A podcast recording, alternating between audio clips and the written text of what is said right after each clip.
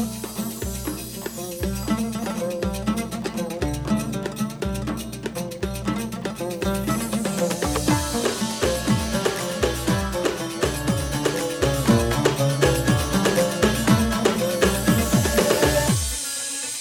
السلام عليكم ورحمة الله وبركاته. مساء الخير عليكم مستمعين الأكارم أينما كنتم. أهلا وسهلا بكم معنا عبر الموجة 92.9 إذاعة هنا عدن اف إم. حياكم الله. معي أنا علي العمري من الإعداد والتقديم لبرنامج مع العصر.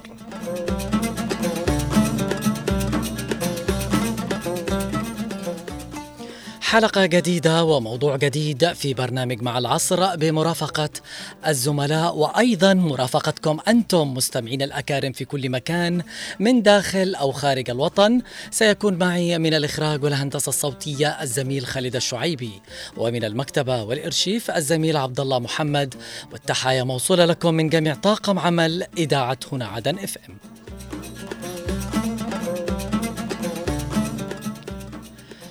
موضوع وحلقة اليوم هي قضية شائكة. لا زالت إلى هذه اللحظة.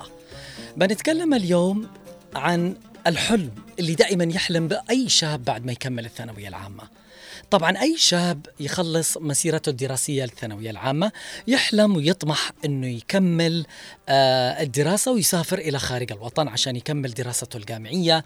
يحلم في تكملة البكالوريوس والماستر والدكتوراه وما إلى آخره طبعا. لكن اليوم المشكلة أنا كطالب أتخرج من الثانوية العامة وأكون من أوائل الطلبة. المشكلة تكمن وين؟ المشكلة تكمن في الفساد المستشري اللي لازال إلى هذه اللحظة. نحن نعيشه ونسأل الله يعني أنه بجد زي ما ظهر ينتهي هذا الشيء. اليوم نتكلم عن الطلاب المبتعثين خارج الوطن. معاناة وسمعنا هذه المعاناة والمناشدات من الطلاب والوقفات الاحتجاجية. شغلات كثيرة قاموا بها الطلاب اليوم لكن إلى هذه اللحظة وكأنها مثل إبر التخدير. يعني شيء مثل المخدر الموضعي. فترة يرجع الحال على ما هو عليه وأخس وألعن من الحال الأسبق. يعني مش عارف أنا طالب من أوائل الطلبة في الثانوية العامة أجت له هذه المنحة أنه يسافر خارج الوطن أنه يدرس. فلزاما هؤلاء الطلاب اللي نحن مفروض نتمسك فيهم بدماءنا وأرواحنا لأنهم يرجعوا بيرفعوا من شأنهم وشأن البلد. لازم نعطيهم مستحقاتهم لازم نوفر لهم كل كبيرة وصغيرة. لكن للأسف اليوم هذه المعاناة لازالت قائمة إلى هذه اللحظة. ليش؟ من خلال عدم توفر البيئة المناسبة للطلاب الدارسين خارج الوطن وإعطائهم مستحقاتهم اولا بأول. الناس اللي تسمعنا اليوم الأسر اللي عندها طلاب مبتعثين الناس اللي عارفين آه، لهم أصدقاء أو أصحاب عانوا هذه المعاناة اليوم أتمنى أتمنى أنهم يشاركونا موضوع الحلقة لأنه لو أجينا وعملنا مقارنة ومقاربة دول برا زي دول الخليج والدول الأخرى. لما تسفر بطلبها عبر القنصلية وعبر السفارة وين؟ وين ترفع من قدر وشأن الطالب اليوم؟ يروح وهو معزز مكرم موفر له من الألف للياء. كل شيء موفر. لكن ليش هذا الشيء ما يصير لطلابنا يا جماعة اليوم؟ إلى متى؟ طيب أنت طالما تشتي تبعد طلاب يعني مبتعثين يدرسوا خارج الوطن وفر لهم كل شيء؟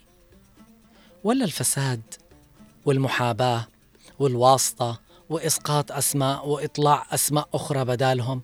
يعني إلى هذه اللحظة لا زالت هذه المعاناة. طبعا في تقرير آه لقناة عدن المستقلة أنا حبيت أنه يطلع معايا في موضوع حلقتي حتى وإن كان قديم لأنه هذه ال ال ال القضية لا زالت إلى هذه اللحظة اللي أتكلم فيها أنا معكم. دعونا نستمع إلى هذا التقرير ثم نعود لكم من جديد مستمعينا الأكارم.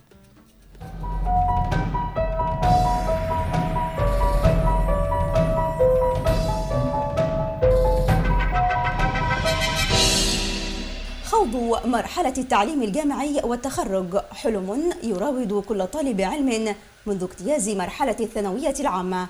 لكن عندما تطأ قدم هذا الطالب الجامعة يجد نفسه أمام العديد من المطبات ومنها بالخصوص أزمة التمويل الدراسي والسكن وغيرهما من العراقيل التي تحول دون مواصلته لدراسته. تتالت أزمة طلاب البلد المبتعثين إلى الخارج في ظل عدم حصولهم على مستحقاتهم المالية. وباتوا يقضون وقتا طويلا في السفارات في محاولة للضغط على المسؤولين. بعدما بات طردهم أمرا واقعا وتبددت بالتالي فرص تحقيق مستقبلهم الدراسي. وعادت أزمة الطلاب المبتعثين إلى الخارج مرة جديدة بعد تأخر المستحقات المالية الخاصة بهم ما أدى إلى تفاقم معاناتهم المعيشية ومشاكلهم التعليمية في أكثر من بلد عربي وأجنبي. واستنادا إلى ذات المصادر فإن أزمة الطلاب لم تعد مقتصرة على تأخر المستحقات وإنما تجاوزت ذلك إلى فساد بالغ اعترى هذا الملف تتمثل بتلاعب بكشوفات المستحقين للابتعاث علاوة على سمسرة بمستحقاتهم المالية من قبل الحكومة. بلغت قلوب الطلاب الجنوبيين المبتعثين بالخارج الحناجر وسط تراكم الوعود دون تنفيذها على أرض الواقع لأي منها.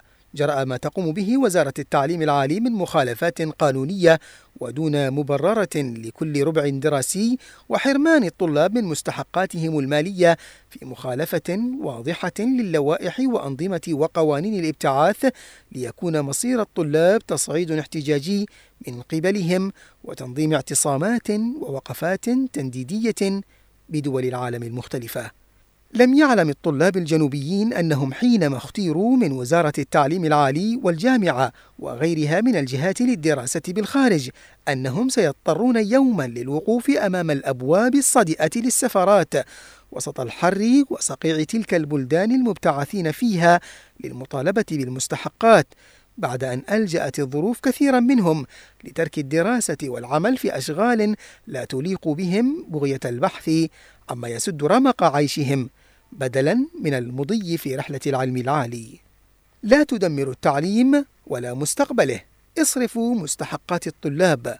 تحت هذه اللافتات وغيرها أطلقها ورفعها الطلاب الجنوبيين المبتعثين في العالم للمطالبة باستحقاقاتهم المتوقفة من قبل الحكومة منذ أشهر لتتحول يوميات الطلاب الجنوبيين بالخارج من التواجد في قاعات الدراسة والمكتبة والمختبر للاصطفاف أمام أبواب سفارات البلد بدول العالم. تردت أوضاع الطلاب الجنوبيين المبتعثين بالخارج حتى عن سداد إيجارات سكنهم وطردهم وعائلاتهم من مساكنهم وعجزهم عن سداد رسومهم الدراسية لجامعاتهم وقيمة الكتب وغيرها من متطلبات الدراسة بالخارج جراء حرمانهم من مستحقاتهم لمدة تكاد تصل إلى تسعة أشهر. ليبقى السؤال اليوم من المسؤول عن معاناة هذه الشريحة؟ وهل تعي الحكومة بتعنتها صرف هذه المستحقات أنها تقضي على مستقبل البلد وكوادره؟ وهل تعي أيضا أنها تهين شريحة كان ابتعاثهم تكريما لتفوقهم العلمي؟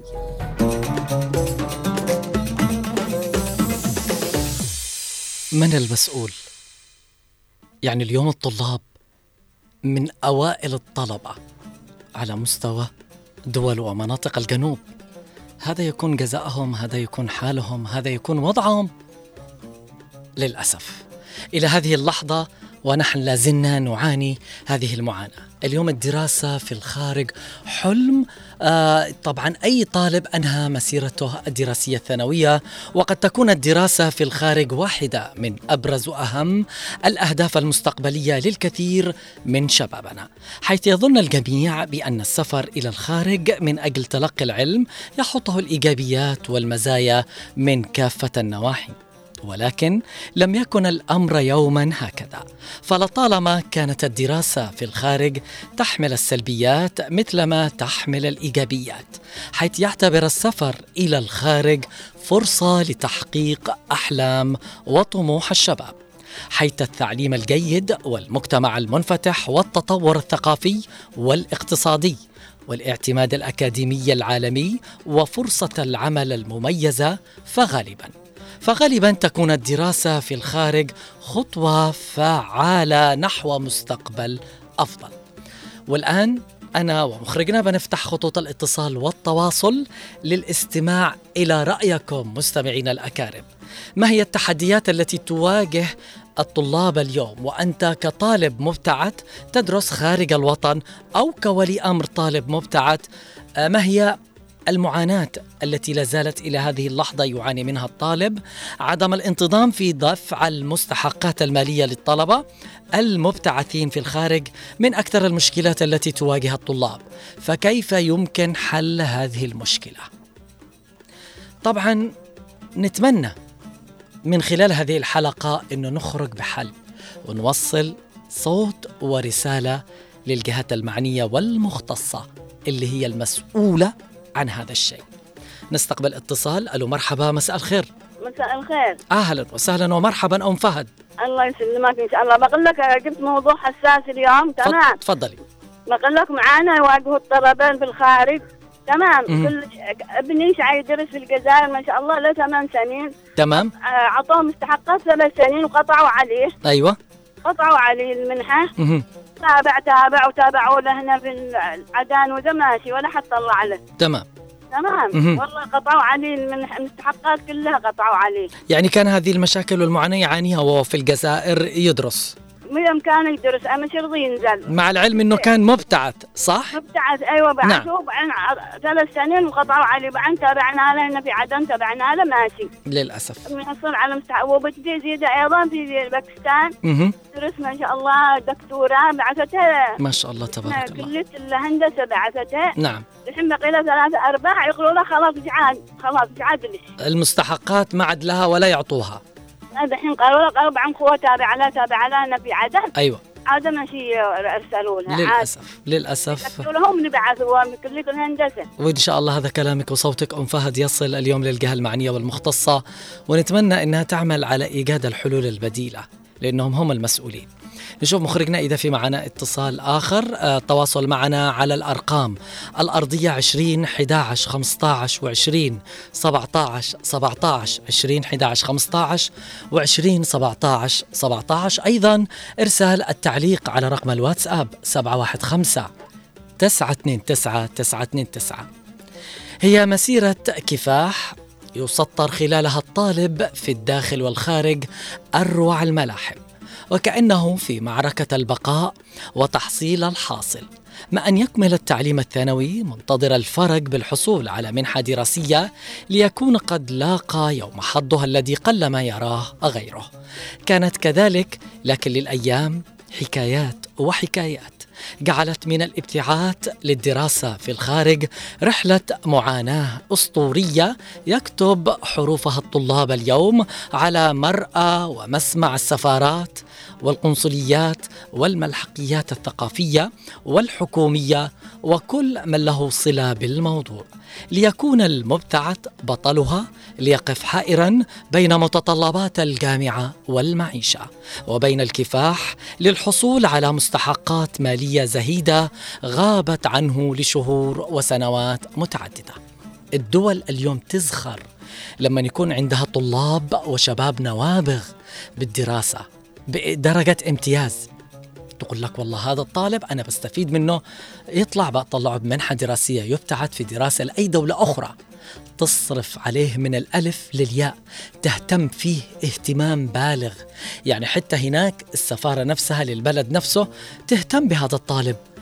على عكس طلابنا اليوم يروحوا للسفارات للقنصليات ولا كأنه شيء لم يكن. معنا اتصال. ألو مرحبا مساء الخير. السلام عليكم أخي علي العمري. أهلا وسهلا عم خالد وعليكم السلام والرحمة. خالد نصيب طبعا من أبيان أخي. أهلا وسهلا حياك الله بك وبدلتا أبين يا أخي كوالدرنا دائما بهذا الشكل يحطوا له معارضه نعم. وباستمرار نعم. السؤال الذي يطرح نفسه هل لدى جمهورية عدن وهنا جمهوريتنا نحن في الجنوب؟ نعم. هل هل يوجد لنا هناك سفارة؟ مهم. يتحولوا إلى سفارتنا. أما السفارة الآن كلها سفارات خاصة بالشمال. للأسف بالفعل. والمفروض آه، يمكن هذه المعاناة بتنتهي مثل ما قلت عم خالد إذا اختصوا بهذه الزاوية أنها تكون ملحقية وسفارة خاصة بالجنوب وأبناء وطلبة الجنوب المبتعثين هناك في الخارج. هذا- لأنه هذا- من خلال هذا الشيء هم يعانوا هذه المعاناة في استلام مستحقاتهم. هذا الكلام. بالفعل. هذا الكلام هو لأن ما فيش معنى هناك سفارة نحن نعم. إلى سفارتنا. نعم بالفعل. عم آه. خالد يلا شكرا جزيلا. بالفعل. آه طبعا الابتعاث آه أنتم عارفين من آه بعد آه الوحلة المشؤومة طبعا يمكن أبناء الجنوب نص نفر يمكن نص نفر أو نفر اللي يحصل على الابتعاث للدراسة في الخارج لدرجة يعني ما شاء الله كانوا أبناء المناطق الشمالية هم المستحوذين على الدراسة والروحة والسفر مع العلم إنه علاماتهم ما أعتقد إنها تكون نفس العلامات النموذجيه المتفوقة بامتياز لأبنائنا هنا في الجنوب. واليوم أيضا المشكلة الأكبر هناك اللي يعانوها آه، وتواصلت أنا لفترة مع طلاب قالوا لي اللي- اللي من المناطق الشمالية يكاد يكون يحصلوا على مستحقاتهم وحقوقهم على عكس طلابنا طلاب الجنوب. يعني إيش السبب؟ هو طالب زيه زي غيره لازم إنك تعطيه حقوقه ولازم تع- تعطيه كل شيء طالما إنه آه يعني رشح وطلع اسمه إنه يروح يبتعث ويكمل دراسته في هذه البلد. من المتعارف عليه أن العالم بشرقه وغربه يتمنى أن يكون هناك دافع من شبابه ذكور وإناث للعلم. لكن في واقعنا حصل المقلوب العكس فظهر الدافع وبكل قوة ليغيب المحفز والداعم بكل قوة أيضا. آه، طبعا كم من العقول تكافح من الداخل والخارج للحصول على العلم؟ منهم من قضى مراده ومنهم من ينتظر وكم من المبدعين نزحوا بعد أن تذوقوا المرارة إلى ما وراء الشمس بحثا عن التمويل لإكمال الطموحات. نشوف إذا في معنا اتصال. آه نكرر أرقام الاتصال والتواصل معنا على الخطوط الأرضية 20 11 15 و20 17 17 أيضا إرسال التعليق على رقم الواتساب 715 929 929 طبعا آه الصعوبات لا زالت إلى هذه اللحظة والمعاناة إلى هذه اللحظة آه للطلاب آه المبتعثين طلابنا من جميع مناطق الجنوب في الدول. ونحن نتمنى إنه آه يكون في حل عاجل وسريع. نستقبل اتصال. ألو مرحبا مساء الخير. ألو السلام عليكم. عليكم السلام والرحمة. أستاذ علي كيف أهلا وسهلا. إسماعيل أنا بخير على خير؟ كيف حالك؟ أنا. بخير طالما؟ أنتم بخير. الله يسعدك. دائما شاء الله. يسعدك حبيبي التألق أنتم آه طبعا ومشاركتكم الدائمة معي في البرامج الله يحفظك آمين، الله. آمين. الموضوع ده قدوم معروف يعني بالفعل. كم لنا ما نسمعش من هذا البلاد ينبعثوا أو بالفعل وين راحوا يتعذبوا نعم آه، يروحوا يتبهدلوا ويروحوا بالفعل يعني, يعني لانهم ما يلاقوش بياس ما يلاقوش أيوه ما حصلوا مستحقاتهم فليش أنت ت- تطلع طالب وتمنحه وتخليه إنه أيوه. يعني. بجد بجد. لدرجة إنه تواصل مع الطلاب يقول لي والله يعني اضطرينا ان نبحث عن عمل آه، عشان نقدر يعني نواصل. يروح أيوه. يرجع يروح يقرب في مطعم يروح بالفعل أيوه. قال عشان أقدر أكمل مسيرتي الدراسية يا هناك في دول. الخارج. كم. ناس رجعوا من جيوبهم يدفعوا ويدرسوا. ويكملوا دراسة. بالفعل الله يسعدك. يستر علينا إن شاء الله. امين وعلى كل وعد- الناس وعلى كل الطلاب وال, وال يعني كل بني آدم آه، تعرض لظلم نتمنى هذا الظلم ينتهي. الظلم ظلمات يا جماعة. فكروا. يعني الناس اللي في جهات الاختصاص والجهات المعنية والمسؤولة نتمنى إنكم تعوا إنه اليوم دنيا بكرة آخرة. لا تتخيلوا إنكم بتتمتعوا وبتنشروا الفساد وعندكم الوضع الطبيعي عادي. لا. لا. أنتم محاسبين على كل حاجة يعني تقوموا فيها. صدقونا لا محالة. اليوم تتعدد مشاكل المبتعثين من الطلاب بين المشاكل النفسية الأكاديمية القانونية. حتى يصل الطالب لجو جديد مختلف عن الجو الذي كان يألفه في البلد. كما أن العادات تختلف أيضا والأنظمة القانونية كذلك تختلف. وقد يقع الطالب في مشكلات قانونية في حال لم يكن مطلعا على قوانين البلد بشكل كامل. نستقبل اتصال. ألو مرحبا مساء الخير. السلام السلام عليكم ورحمة الله وبركاته. وعليكم السلام والرحمة عم محمد. كيف حالك؟ إيش حالي يا أبو عبد الله أنا معي واحد من المبعوثين في القاهرة. أيوة. ميت جوع بعثنا ولا أصبح حصل منحة الا بعد مضاربة. لا حول. والآن أنا راتبي 40000 كم باكل له وكم بخلي هذا ابنك عم محمد؟ ابني ابني من دمي ولحمي ما من ما. قدرتوا تعملوا له حل ولا تواصلتوا معه هنا في عدن إنهم يعملوا له حل؟ يا أبو عبد الله نعم. الله, الله يرضى عليك. أنا راتبي 40000 معي ثمانية. نعم. وهذا ابني الوحيد اللي راح يحضر الدكتورة للأسف. يا جماعة شغلونا بأي مكان هناك يكون يستقبل ولا أي عمل ولا حاجة حول. ولا قوة إلا والله. العظيم إنه ولا معه حتى ريال يعني مستحقاته هناك معاناة وما يستلمها يمكن ومن, ومن هذا القبيل اللي نسمعه دائما حول هذه القضية ماشي معنا اي ما ما ماشي معنا إلا الله ما حد معنا لا بالداخل ولا بالخارج هو طلع مبتعث يا عم محمد لا أصبح حصل منها والله ما حصل إلا بمضرابه لا حول. وجاء من الأوائل وكرموه هو مع البحوث التربوية على سنة المناهج للأسف. جاء الأول عندهم في مصر جاء على مستوى البعثات راح الخارج للأسف. الآن بالله عليك علي جالس هناك بلا ولا ونحن. والله نتمنى هذا الكلام يصل نرجع والله فعل- العظيم نرجع نشكل فاعل الخير يا جماعة يسعوا ماشي معنا دولة لا حول ولا هم بال... يا علي أيوة. هم بالله عليك بالخارج بدولارات ياكلون بالفعل. معنا 400 وكيل الآن داخل مصر. صحيح. بسبب هذا الفساد المستشري ونحن بدي- مع- معاهم الآن بي- بيصرفوا بالدولارات والسعودية أخي اتقوا الله. ونحن نسأل. يرحمونا بالداخل وبالخارج. بالفعل. وهذا اللي نشتيه عم محمد. أنا شاكر اتصالك يا ومشاركتك الله. تفضل تفضل. نقول حسبنا الله ونعم الوكيل. حسبنا الله ونعم الوكيل. أضعاف مضاعفة على كل فاسد. على كل بني آدم وكل بمهام معينة ولم يقم بهذه المهام. على أكمل وجه لا يزال مسلسل معاناة الطلاب المبتعثين للدراسة في الخارج مستمر ويزداد من عام لآخر وما أن ينتهي فصل من فصول في دولة من الدول حتى يبدأ فصل آخر من المعاناة في دولة أخرى.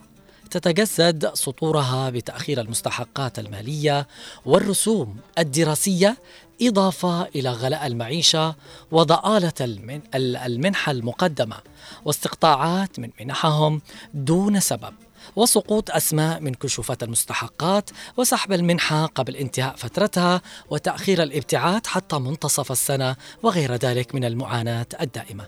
دعونا نستقبل اتصال آخر. ألو مرحبا مساء الخير. أهلا وسهلا أستاذ محمد فضل كيف حالك يا حبيبي؟ أنا بخير على خير طيب. لك الخالد محمد جلال القليل محمد عبد الجو والمتصل عقيد المظلوم محمد علي أستاذ محمد ها بس السؤال قبل ما ندخل في المناقشة اللي يطرح نفسه أه، هل أه، أثناء جمهور يعني وجود أه، دولة جمهورية اليمن الديمقراطية الشعبية هل أبتعدت للدراسة في الخارج أستاذ محمد؟ أقول لك ما شفت أنا كنت عضو في أو أو أيوة أو أو كنت كنت تعرف من زملائك كيف كانت المعاملة كيف كانت لك. والجهة المعنية تعطيهم مستحقاتهم وما إلى ذلك. سؤال تفضل. جميل سؤال جميل يا علي. نعم. كنت أنا كانت في لجنة مشكلة. نعم. من التربية اللي كان مش عندنا التعليم العالي كان عندنا علاقات ثقافية. وكان من التربية ومن تخطيط الخدمه المدنيه والمالية آه، أربع لجان أسئلة، أربع لجان. نعم. هذه مسؤولين عن اجتماع شهري. والبعثات. مم. كان يريد يبعث الطالب. أيوة. المنح غريب الهبل. نعم. يبعث الطالب هي ميزانيتها السنويه ما تقصر نعم. ملحق ثقافي هو مسؤول عن الكلام هذا حتى السفارة بالسفير ما لهش علاقة. نعم. ما لهش علاقة السفير بهذا الجانب. الملحق الثقافي الملحق الثقافي مسؤول عن الطلاب. نعم. وتختار التربية. مه. ما يختارش لا. ولا ولا الولاليه ولا ولا الوزير. ولا لأي جهة أخرى. التربية تختار ما علاقه الخارجيه نعم، نعم. قالوا التنسيق نعم. البالغ إضافة ذلك إن كان ناس مه. فوق الماجستير والدكتوراه أيوة. هذه منحه أخرى آه، ودعم آخر من الجامعة. يا سلام. من غير المبلغ اللي هو للطلاب يا سلام. أنا رحت موسكو تعالج 2006 نعم. وقلت حاجة صراحة اشتاق أقولها من البرنامج هذا. تفضل. تفضل وقلت ناس مع احترامي في مناطقيا المناطق الشمالية. مه. عقدة ومسؤولين ومعهم راتبين من الداخل مه. ومعهم دعم بالهبل. واصحابنا قا- يشتي صورة والله واحد يشتي دكتور يخرج يشتي صورة أوراق أوراق اللي تخرج. نعم. نرجع نجمع عليه تجمع ويرجع نجمع عليه مبالغ. كان صورة أوراقه. لا حول يعني ما يعطوهم إلا بهبل واضطهاد نعم. وعنصرية. نعم. وملحق راح يصطدم مع السفير يقول للسفير يتخطى علي؟ يا ببتلك نعم. وتقارعوا وسنتين جي صمد وبعدين علو كان يحيي الشعبي وزير التعليم وصمد معه. نعم. وبصرة. نعم. بعد ما غيره بصرة ابعدوا هذا الملحق الثقافي. للأسف. امور كثيرة تدخل تفاصيلها إن شاء الله الوزراء يخفوا من من مناصبهم وأولادهم يتعلموا بالخارج والمنح اللي تروح لأولادهم. بالفعل. وينظروا للآخرين إن شاء الله. الله يسعدك أستاذ محمد. شاكر اتصالك ومشاركتك معي. على أمل الفرج القريب تعيش هذه الشريحة المهمة معارك الجوع والألم. وهم الدراسة الأهم الأكبر ومصاريف الدراسة اليومية. فبعد أن كانت مستحقاتهم تصرف في السابق أربع مرات في السنة مر عليهم ما يقارب العام والنصف وأكثر يعيشون حياة الكفاف دون رواتب أو مستحقات مالية مع ارتفاع الأوضاع المعيشية في بلد الابتعاث ومع انقطاع المستحقات المالية وقع الطلاب المبتعثون في بؤرة الأحزان. نستقبل اتصال. ألو مرحبا مساء الخير. مساء النور. أهلا وسهلا. ابن الهبوب مساء السعادة والسرور. حياك يا أستاذ علي. الله يحييك. تفضل. بالنسبة للطلبة المبعوثين في الخارج للدراسه هو هو هدفهم من أجل الحصول على شهادة عليا. نعم. ومستقبل افضل على أمل أن يعودوا مثلا لبلادهم ويجدوا. وظيفة المناسبه لكن عندما يحدث ارتباكات تاخر المستحقات المالية. نعم. يسر عليهم على مستقبلهم على دراستهم أكيد الشديد. أكيد. يضطروا أنهم يعني يعتمدوا على مصاريفهم الخاصة. مهم. ويعيشوا هنا بدل ما يبحث عن التعليم يبحث عن الحياة فقط على البقاء نعم. كان في الخارج من بيعطيه مثلا مصاري من بيعطيه اكل من بيعطيه كل شيء يعتمد على نفسه. وهذا يجب أن المستحقات المالية أن تتوفر في وقت محدد. بالفعل صحيح. حتى لا تسوى على مستقبل المعلمي هو يريد العلم لكن عندما إذا بالخارج ينتقوه كذا يعملوه يضطر بعضهم لما كلمه يرجع. يندم انه لا ما عاد يصير بالخارج والبعد آه، يعني والبعض يمكن يبحث عن وظيفة أخرى آه، يقصر في مهامه الدراسية عشان العمل وما إلى ذلك. يعني معاناة معاناة لا زالت إلى هذه اللحظة. بعضهم يتسد هذا يعني يبحثون على عمل. نعم يعني بالفعل ما يقدر لما دولة تستنبهم يعني للاسف الشديد بالفعل الله يسعدك من الهبوب شاكر اتصالك ومشاركتك معي في موضوع حلقة اليوم. أرجع أقول على أمل آه، طبعا آه، الفرج القريب ومع انقطاع المستحقات المالية وقع الطلاب المبتعثون في بؤرة الأحزان التي تنهال عليهم من كل حدب وصب من كل جانب. ووقع مستقبل العديد منهم تحت الخطر بعد تلقيهم إشعارات جامعية تهددهم بالفصل لانهم لم يسددوا ما عليهم من رسوم جامعية. إلى متى بيفضل هذا الحال؟ إلى متى الفساد؟ إلى متى المسؤول اللي نعينه في جهة معنية بيض المحاباة وواسطه وأنا بطلع الناس القريبة مني والناس اللي أعرفهم والطلبة اللي يعني لدرجة إنه في أسماء تسقط.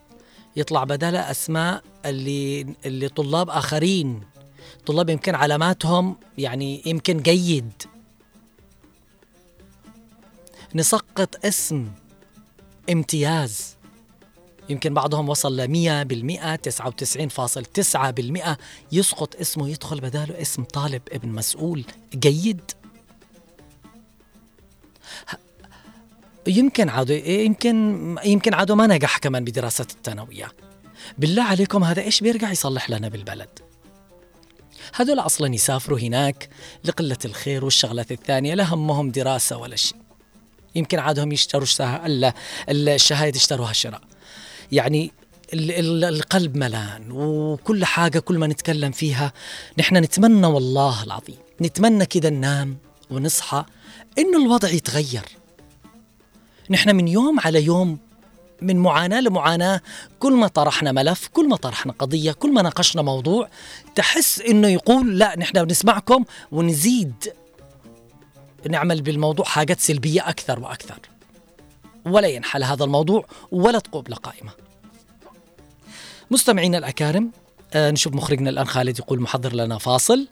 آه دعونا أنا وأنتم والمخرج. نستمع ونروح آه نذهب لهذا الفاصل القصير ونعود لكم من جديد لتكملة موضوع حلقة اليوم. ما كنتش يوم تسيبني إزاي بتقول نصيبك وهان عليك؟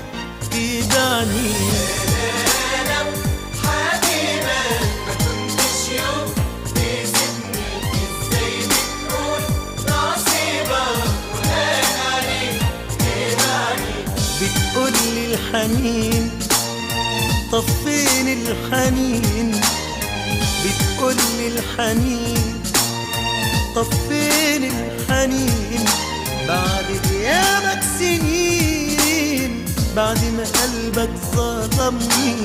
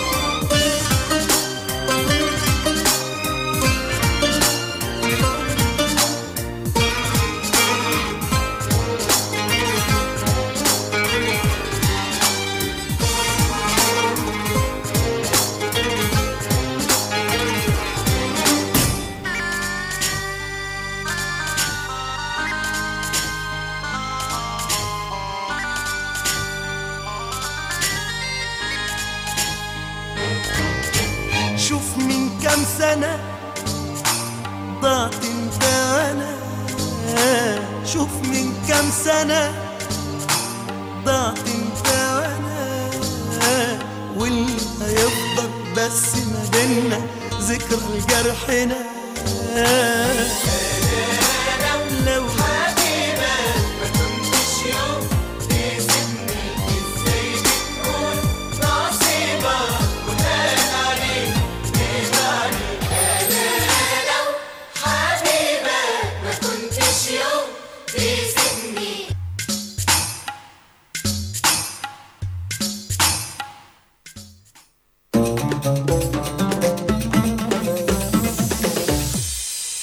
عودة لكم من جديد مستمعينا الأكارم لبرنامج مع العصر وموضوع حلقة اليوم الدراسة خارج الوطن وأيضا معاناة الطلاب المبتعثين من الدراسة خارج الوطن شغلات كثيرة وكثيرة تختصر مشكلات الابتعاث ولا تختصر يعني للطلاب آه، بالذات الطلاب الأوائل.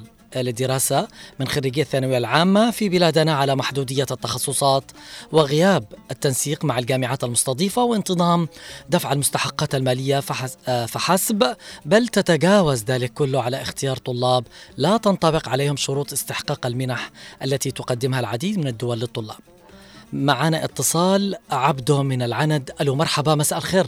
كيف حالك حبيبي علي عمري؟ خير على خير طيب حالك الله يحفظك كيف حالك؟ ويحفظك أضعاف أنا. دايم تابع برنامج البرامج حقك برامج حلوة الله. يسعدك حبيبي على عيني وراسي تفضل الله يحفظك يا أستاذ علي آمين، يا تفضل.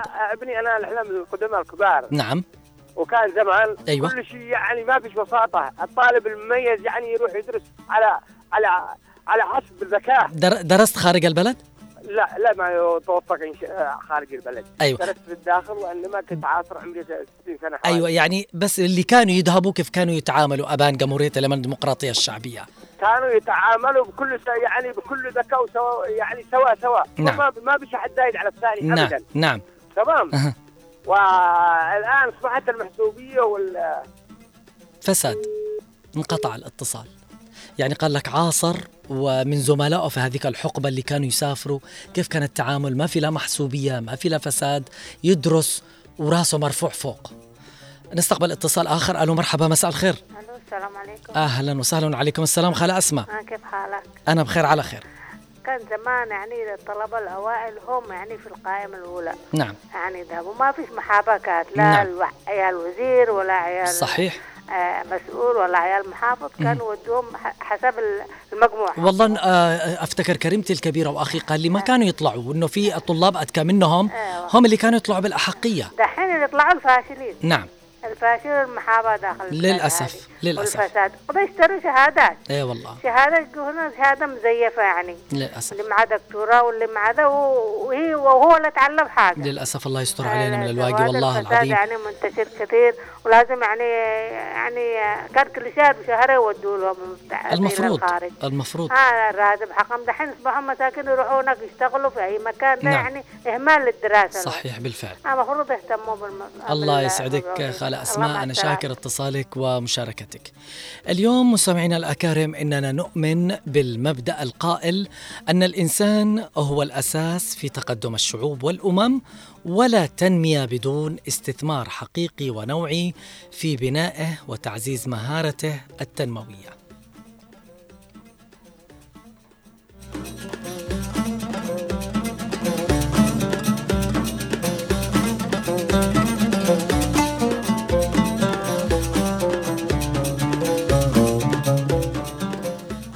لذا رأينا ورأينا اليوم أن ضرورة أن يكون الاهتمام بالإنسان من أول أولويات مشاريع التنمية فالطلاب هم بذور النهضه التنمويه المنشودة والاستثمار فيهم هو البوابه المثلى لتنمية مستدامة ومستقبل زاهر انتظره الوطن طويلا ونأمل أن يتحقق في القريب العاجل.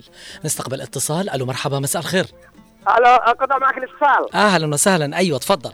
أنا معك الحاج عبد المهدي. أهلا وسهلا على عين وراس. أقول لك كان زمان أيوه. ما فيش ما فيش وساطة ولا كل واحد يحس ذكاء نعم.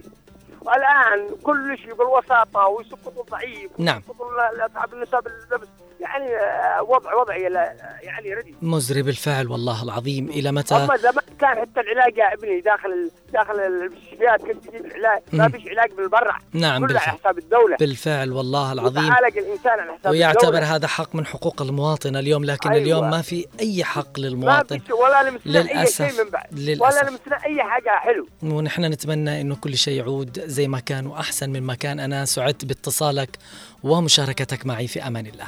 أيضا معي اتصال آخر. ألو مرحبا مساء الخير. السلام عليكم ورحمة الله وبركاته. يا حيا وسهلا بالغالي. أبو فهد وعليكم السلام والرحمة. الله, الله يحفظك يا غالي يا بالغالي الله يسعدك. حيا وسهلا. الله يسعدك. حي حياك الله. تفضل. أق- أقول لك يا ولدي شوف زمان أيوة. كان في اهتمام في التعليم والإنسان. نعم. كان في اهتمام بالإنسان كإنسان واهتمام في التعليم. نعم. وكان حتى حتى أصحاب الجامعة يعطوهم رواتب. نعم. يدرس في الجامعة طالب يدرس في الجامعة. بالفعل مواصلات ومستحقات و... نعم. وكانوا يعطوهم الملابس ويعطوهم كل حاجة. نعم. الآن الآن من بعد, من بعد عام 90 أنا والله العظيم هذه شاهدته قدام عيني ال- عيال أنا رحت أتعالج روسيا. نعم. في عيال يدرسوا هناك. حالتهم حالة مساكين خاصة بعد عام 90 قالوا الآن كانوا بعد ثلاثة شهور أربعة شهور يعطوهم من 100 دولار نعم. كل شهر. وبعض الأحيان يعطوهم بعض الأحيان ما في. نعم. من عام 90 ما حصلنا خير لا في تعليم ولا في بنية تحتية للأسف. ولا في بناء إنسان كإنسان. كل حصلنا الثقيل للأسف. والفقر والفساد وكل ما سيء حصلنا من بعد عام 90 إنا لله وإنا إليه راجعون. بالفعل ونحن نتمنى ربنا يحفظك يا ولدي. الله يسعدك. ونقول لا حول. ولا حفظك. إلا بالله العلي العظيم. ونسأل الله الستر والسلامة وأن ينصلح حالنا. نحن آه، أناس صابرون وفي الأول والأخير لا يصح إلا الصحيح. والله سبحانه وتعالى يقول وبشر الصابرون. يعني إحنا بنصبر مهما كان الصبر مهما في مآسي مهما كانت في أوجاع مهما كان الوضع مش تمام. نرجع ونقول نصبر. يعني نحن لما نجي نلتفت آه لغيرنا يمكن الوضع حتى وإن كان في مأساة ووضع مش تمام لكن الواحد يقول الحمد لله. تكمن أهمية رعاية طلابنا المبتعثين للدراسات العليا في الخارج في أهميتها في إنها داسر التغيير والابتكار والنهوض بالوطن المهيب ويمكن الرهان على الشباب لإحداث التغيير وليس على الأحافير والرخويات وتنابلة السلطان. للأسف هذا الوضع اللي حاصل الآن وهذا الشيء اللي لابد إن إحنا نهتم فيه ولابد إن إحنا دائما وابدا آه يعني شبابنا هم هم المستقبل هم البناء هم التقدم. لكن لما يصير زي كذا مع طلابنا مبتعثين خارج الوطن الطالب ما عاد ما عاد له نية حتى يرجع للوطن يقول لك خليني أكمل وأجلس وأعيش لي هناك. نستقبل اتصال. ألو مرحبا مساء الخير. عليكم. أهلا وسهلا. معك ياسين علي احمد الحبيبي أهلا وسهلا يا حيا وسهلا. يا علي يا أبو عبد الله. تفضل. من متى دخلنا هذه الوحلة أو الوحدة انتهى كل شيء جميل. للأسف أي والله. انتهى كل شيء جميل. نعم. انتهى وانتشر الفساد والرشاوي والمحسوبية وانتشر كل شيء. والله ما كل شيء جميل اتدمر نعم. أول ما غزونا الخبراء ب 94 لم يغزونا عسكريا وإنما غزونا ثقافيا واخلاقيا. نعم بالفعل. غزونا الغزو العسكري ينتهي فترة محددة بتستعيده لكن الغزو الغزو الثقافي والأخلاقي هذا يشتي فتره فتره والوعي بالفعل والوعي هذا هذا هذه المشكلة وهذا هو الأهم اللي لابد إن إحنا نبحث عليه اليوم. غزونا غزونا اخلاقيا وثقافيا. نعم لم نعم كن نعرف المحسوبية ولم نكن نعرف الفساد ولا أيوة. الرشاوي ولا كل شيء من هذا. أيوة. الان الآن ظهر الفساد بكل شيء. أفتكر آه، طالبة جامعية ابتعثت الابتعاث في الدراسة دكتوراه طب أسنان آه، في فترة ال- الثمانينيات. هي جارتي طبعا كانت تدرس معاها بنت مسؤول أنا ما راح أذكر اسمه. بس يمكن كانت مش كويسة في الدراسة. قلت لها كيف طلعتي يعني أفتكر دي كلامي أسألها كيف أنت طلعتي بنت المسؤول؟ قالت كيف بنت المسؤول؟ بنت المسؤول ما طلعت علامه ام- امتياز. ان إحنا طلعنا امتياز ومبتعثين ورحنا ندرس في الخارج. يعني هذا دليل انقطع الاتصال. هذا دليل بجد إنه نظام ماشي على الكل. ما في أحد خارج على هذا النظام. الكل. متى رح نستعيد هذا الشيء؟ متى زي ما قلنا اليوم افتقدنا آه، ثقافتنا آه، وعينا إدراكنا بما حولنا. آه، كارثة. أقولها أي كارثة وأي خزي. يا طبعا أصاب ال ال اليوم المسؤولي والناس اللي بجهات الاختصاص في الوطن. طلاب ينتحرون. وصلت الدرجة أن الطالب ينتحر بسبب الوضع بسبب تأخر الدعم وصرف المنح. وهم آه، من تراهن عليهم الأوطان لنهضتها وشموخها وإقالتها من عثراتها وهواناتها. إنه الفساد الذي أصاب بلادنا فأنهارت الأخلاق والقيم والشرف. نستقبل اتصال. ألو مرحبا مساء الخير. ألو مرحبا. أم مازن مساء الخير. حالك حبيبي؟ أنا بخير على خير طيب حالك الله كيفك؟ أم الغالي أنا بخير على خير الله يسعدك. الله بيحفظك آمين إن شاء الله. على عن عن ذكرى الدراسة. الدراسة والابتعاد تفضلي أيوه كان أول لما كان يجي التلميذ من أي إنسان كان حتى من الكادحين نعم. ها ويطلع علامات أيوه. يشيل انه كوبا نعم. روسيا. نعم. ها. السودان. صحيح. كانوا يدرسوا ما فيش امتياز. نعم. ابن الصغير والكبير كانت تسمية دولة الكادحين نعم بالفعل والله العظيم كلنا عايشين. كانوا يقولوا كانت العيشة كلها سواسية كله كان بس بالفعل. اتغير سبحان الله معلش بتجي الأيام إن شاء الله بالنسبة لهنا داخل حتى داخل أيوة ما تقدرش يا ابني كما أول بالفعل. كان- اول تروح الجامعة تسجل. كما أي إنسان مهم. الآن لا كما تجيب وظيفة. حتى على الداخل بالفعل يعني آه، صارت الحق والدا نحن يعني على. المستوى الداخلي في الجامعات صارت صعبة أي والله نحن هنا داخل. يمكن ما. عندك وساطة مهم. حتى علاماتك قال أفتكر بنتي خلصت الثانوية وكانت تشتي تطمح طبعا ذكية تشتي طب بشري. أيوه. يعني من كتر ما أشوف أنا يعني في في الكلية هذه في مش عارف أنا إيش اللي صاير. قالت يا أبا أنا متأكدة إني بجتاز وبطلع امتياز لكن للأسف هل اسمي بيطلع؟ قلت لها لا ما راح يطلع. وبتتعبي من سنة لسنة فعشان كذا شوفي تخصص ثاني والآن تدرس هندسة. عشان نشوف لفين وصلنا بال بال بالفساد ولفين.